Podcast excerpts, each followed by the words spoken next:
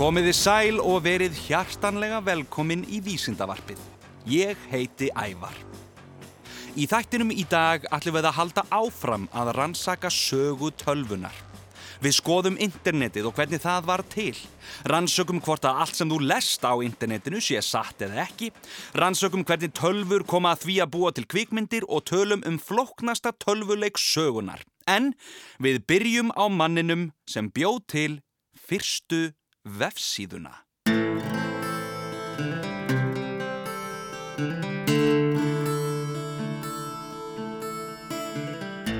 Eðlisfræðingurinn Tim Berners-Lee er maðurinn sem bjóð til fyrstu vefsíðuna. Lee var starfsmaður hjá CERN rannsóknarstofunni í Sviss þegar hann bjóð vefsíðuna til. Árið 1980 hannaðan kerfi fyrir starfsmenn CERN til að deila skjölum og öðrum upplýsingum sín á milli. En nýju árum setna kynntan til sögunar hugmyndina um HTML tungumálið en það er grunnurinn að baki hverjar einustu vefsíðu í heiminum. Tveimur árum síðar, árið 1991, leitt fyrsta vefsíða í heiminum dagsins ljós og maður myndi nú halda að þegar öll lén í heiminum eru laus að slóðin inn á vefsíðuna væri eitthvað stutt og laggott, eitthvað sem er auðvelt að muna, eitthvað grípandi. Slóðin var hins vegar þessi og haldið ykkur nú fast.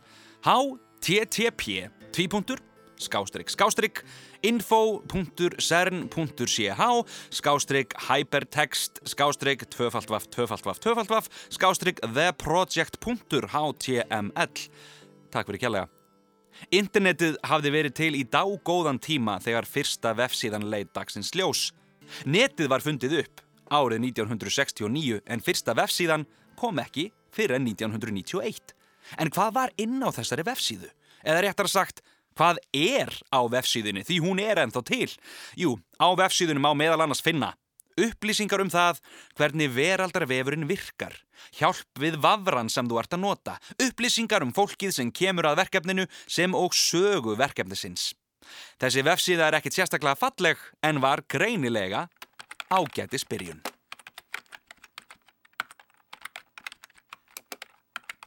Um daginn þá var ég stoppaður út í búð af ókunnugum manni sem að hlustar á vísendavarpið.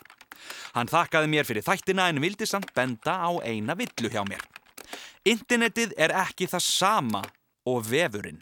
Höfum það alveg á hreinu. Hann líkti því þannig saman að ef vefurinn var í gata, værið internetið einn af strætónum sem fá að nota hana. Og mér þótti þetta góð samlíkning og hún hendar fullkomlega í þáttin okkar í dag. Internetið er botlaus uppspretta upplýsinga. Það er öll bókasöfn heimsins og verður starra og starra með hverjum deginum. Allir, allir geta bætt einhverju við netið og með samskiptameðlum virðast nánast allir vera einmitt að gera það. En internetið var uppháflega ekki búið til svo að við getum hort á eh, katamindbönd sem eru samt sem áður algjör snild eða sendt hvort öðru skemmtilegar gifmyndir Nei, nei, nei. Grunn hugmyndin að internetinu kviknaði eins og svo margar hugmyndir af nöðsinn. Internetið var upphaflega fundið upp árið 1969 af doktor Leonard Kleinrock. Það er, hann fann upp tæknina til að búa það til og hefur þess vegna verið kallaður einna feðrum internetsins. Upphaflega var netið fundið upp til að tengja saman háskóla, svo þeir getu deilt upplýsingum millik fórs annars. Og það er auðvitað það sem internetið gerir enn þann dag í dag. Við deilum upplýsingum hvort með öðru. Nema í dag eru upplýsingarnar ekki bara efni tengt háskólum, heldur líka myndbönd af eh, fólki að fljúa á hausinn, eh, fjölskyldumindir og satt best að segja næstum hvað sem er. Árið 1971 voru 15 stopnarnir tengdar saman með því sem kallað var ARPANETIÐ sem var eins konar formáli að internetinu sem við þekkjum og notum í dag og það leið ekki á löngu þar til netið var komið út um allan heim. Ísland tengdist internetinu þann 21. júli, ef einhver ammali 21. júli, þá er núna hægt að gera það á dagsetningu enn eftirminnilegri. Tengdist internetinu 21. júli árið 1989 og við höfum verið á netinu síðan þá. Margir meiga ekki einu sinni til þess hugsa hvað myndi gerast ef netið myndi einhvern tíman hætta að vera til. Það væri auðvitað hræðileg tilhugsun. Ég meina við gætum neyðst til þess að tala saman í alvörunni.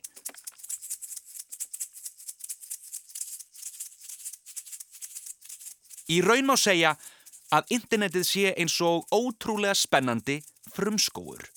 Það er hægt að lenda í ævintýrum og læra eitthvað nýtt og dásamlegt en þú þart samt að fara varlega því þú getur ratað í ógöngur.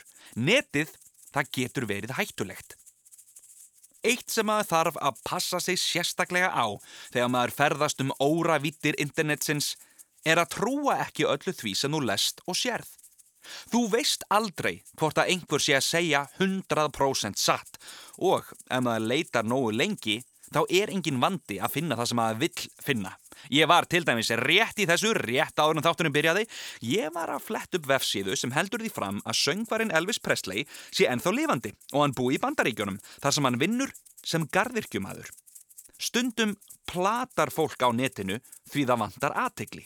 Aðrir gera það til þess að reyna að ná af þeir pening og svo eru það þeir sem hafa bara ekkit betra að gera. Þannig að reglan er þessi. Taktu öllu með smá fyrirvara. Ef þú sérð eitthvað á netinu sem er of gott til að vera satt, eins og til dæmis íttu hér til að vinna miljón, þá er það mjög líklega of gott til þess að vera satt. Ef þú ert ekki viss, prófaðu að slá upplýsingunum sem þú varst að finna inn á leitarvél og sjá hvort að einhverjir aðrir hafa skrifað um það sama eða verið plataðir á sama hátt. Farðu varlega. Og myndu líka, ekki segja eða skrifa neitt á netinu sem þú vilt ekki að allir sjáu og ef einhver ókunnugur byrjar að tala við þig, ekki svara og láttu vita.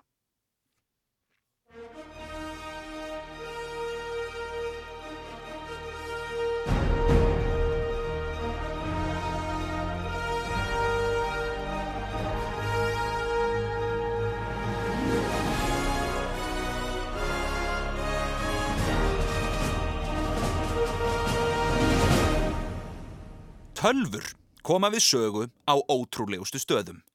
Ef þú sest niður til þess að horfa á kvikmynd eru svona 99% líkur á því að einhverjar tölvu brellur leynist á skjánum. Og ef hún er algjörlega brellulaus þá get ég samt lofa er því að myndin var tekin upp á stafræna vél og klift með klippiforriti sem er jú mikið rétt í tölvu. Og ég er ekkit bara að tala um það að búið sér að bæta inn áberandi taknibrellum eins og skrimslum eða sprengingum eða eitthvað svoleiðs, nei, nei, nei, nei. Næst þegar þú horfir til dæmis á bílaeltingaleik í kvikmynd, skaltu taka eftir því að það eru nánast allar líkur á því að allir bílarnir, nema kannski bílinn sem hetjan okkar er að keira, eru gerðir í tölvu. Tölfur koma líka við sögu við gerð auglýsinga. Ef þú opnar dagblad eða ferðin á vefsíðu þar sem verið er að auglýsa eitthvað, þá get ég nánast lofa þér því að ljósmyndin sem þú sérð hefur verið unnin að einhverju leiti í myndvinnslu forriti. Þá eru allar bólur, láknar hverfa og allir gerðir enn sætari en þeir eru nú þegar. Tölfur koma líka við sögu þegar tónlist er búin til. Sumar hljómsveitir sérhæfa sig til dæmis í tónlist sem má eiginlega bara kalla tölvu tónlist. Nánast hver einasti tónlistarmadur sem semur og tekur upp tónlist í dag stiðist við hljóðvinnslu forrit og þegar búið er að taka upp til dæmis söng inn á tölvu þá er hægt ef maður vill að nota allskins forrit til að bæði breyta og bæta röttina. Þetta gengur jafnvel svo langt að hægt er að laga falskar nótur í rauntíma á tónleikum sem eru auðvitað frábærar fréttir fyrir laglust fólk sem dreymir um frama í tónlist. Þegar kemur að tölvum er stundum erfitt að greina hvað er satt og hvað er platt. Við vorum rétt á þann að tala um mikilvægi þess að trú ekki öllu því sem við lesum og sjáum á internetinu. En nú skulum við skoða aðrar útgáfur af sömu spurningu. Hvað er satt og hvað er platt? Við skulum tala um tvær tegundir af veruleika sem tengjast tölvum. Viðbótar veruleiki, þetta er flott orð, viðbótar veruleiki er svo fyrri. Með tækjum og tólum getum við bætt einhverju við raunverulegt umhverfið í kringum okkur sem enginn sér nema sá sem heldur á snjaltækinu. Gott dæmi um þetta er tölvuleikurinn Pokémon Go. Það er Pokémon á eldhúsborðinu, er algengsetning sem enginn tengir við nema sá sem er í leiknum. En það er hægt að ganga lengra. Síndar veruleiki, hinn veruleikin sem ég vildi ræða um við ykkur, er afar spennandi hugmynd og alls ekki ný af nálinni. Í áratugi hefur síndarveruleiki verið notaður til þess að þjálfa flugmenn í svokölluðum flughermum en það er núna á síðustu árum sem síndarveruleiki hefur komið inn í daglegt líf okkar. Þegar talað er um síndarveruleika er átt við ákveðina upplifun. Þér líður eins og sért stattur á öðrum stað og að í kringum þig séu hlutir, fólk og umhverfi sem er þar í raun og veru ekki. En þér líður samt eins og þau séu þar. Þú upplifir það að þau séu þar. Með sérstökum síndarveruleika glerugum sem eru miklu stærri en venjuleg glerugu þá líður þér eins og þú sett komin í annan heim. Þessi tækni hefur bæði verið notuð í tölvuleikjum en líka í ferðamannaðinaðinum. Þar sem ferðamenn geta allt í einu verið komin upp á jökul, séður norðuljós eða synd með kvölum en sitja í raun og veru bara í stól. En það fær mann samt til þess að hugsa. Hvernig getum við verið vissum það að það sem við sjáum í okkar daglega lífi sé raunverulegt? Erum við, ég og þú og allir í kringum þig, kannski bara síndarveruleiki? Erum við kannski bara personur í svakalega háþróuðum tölvuleik? Er einhver leið til þess að komast að því? Hvað er raunverulegt og hvað er plat? Halló?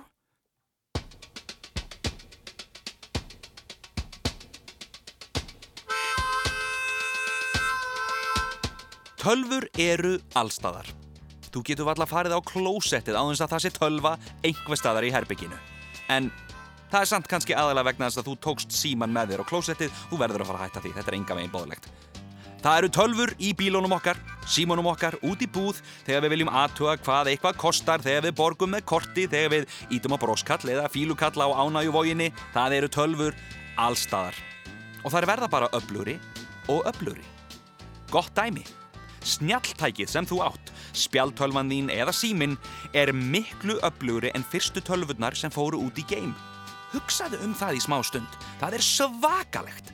Á ekki einni öld hefur tækninni fleikt svo mikið fram að engin veit hvar hún mun enda. Hvernig heldur þú að tölvurnar verði þegar þú verður gamanlega gömul? í hvert einasta skiptið sem einhver finnur upp eitthvað sem að stækkar minnið eða eigur hraða eða gerir snjalltækið þitt eða tölvuna betri er stittra í að einhver annar getur nýtt sér þá tækni til að búa til eitthvað ennýra, enn hraðara, enn betra.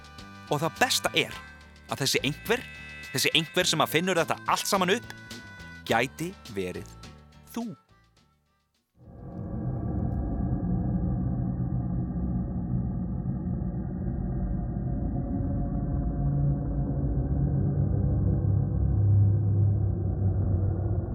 Við skulum tala um vélmenni.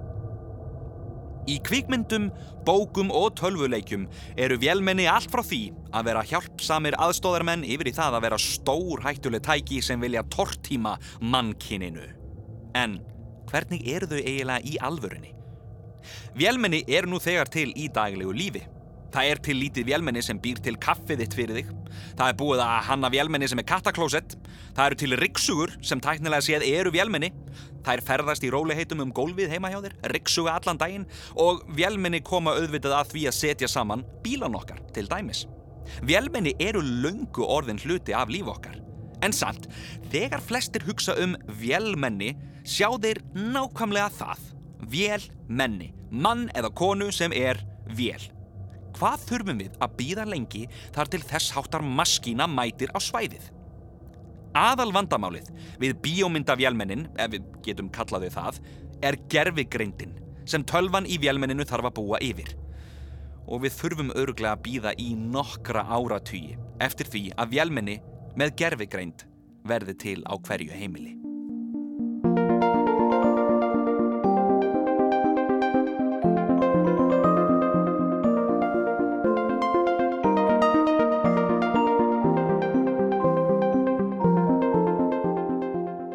Það eru öruglega margir sem hrysta höfuðið yfir því hvernig óskubónum maður eigi að forrita. Því það hljómar flókið. Það hljómar eins og eitthvað sem bara klárustu konur og karlar geti gert. En staðirindin er þessi. Allir geta forritað. Það er auðvitað hægt að forrita misflókin forrit en það geta samt allir forritað. Að kóða, forrita, er næstum því eins og að læra nýtt tungumál. Það tekur auðvitað smá tíma en áður en þú veist af þá ertu farin að spjalla. Box Island er frábært dæmi um tölvuleik sem að kennir þér að forreita og hann er íslenskur. Í Box Island ertu krútlegur kassi sem þarf að komast ákveðina leið. Og hvernig kemst á áfangastað? Jú, með því að gera ákveðinar skipanir.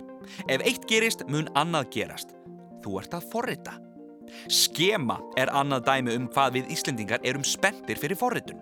Skema stendur fyrir námskeiðum fyrir börn og úlinga í leikja forritun og sérhæfir sig í kennslu og rannsóknum með sálfræði, kennslufræði og tölvunarfræði að leiðarljósi. Þeirra markmið er að kenna krökkum alveg niður í 6 ára aldurinn að forrita. Það er nóg um að vera fyrir forritara á Íslandi í dag. Og þá má líka taka það fram. Maður er heldur aldrei of gamall til að læra að forrita. Prófaðu bara. Úr einu í annað. Floknasti tölvuleikur sögunar. Tölvuleikir hafa þróast mikið í árana rás og í dag eru þeir svo vel hannaðir að manni líður stundum eins og maður sé að horfa á kvikmynd. Í gamla daga varstu kannski nokkrar mínútur upp í nokkra klukkutíma að klára leik. Í dag eru til leikir sem enda aldrei. Sagan heldur alltaf áfram. Það eru sífælt nýjar personur og nýjar aðstæður að verða til. Svolítið eins og lífið er í alvöru. Sumum líður meira segja betur sem personu í tölvuleik heldur en sem mannesku í alvöru heiminum. Hinn íslenski Yvonne Line er frábært dæmi um tölvuleik með sögu sem heldur endalust áfram. Leikurinn er auðvitað í sífældri þróun og hópur forreitara, hönnuða, höfunda og annara snillinga er allan sólarhingin að upphugsa nýjar leiðir til að koma spilaranum í opna skjöldu.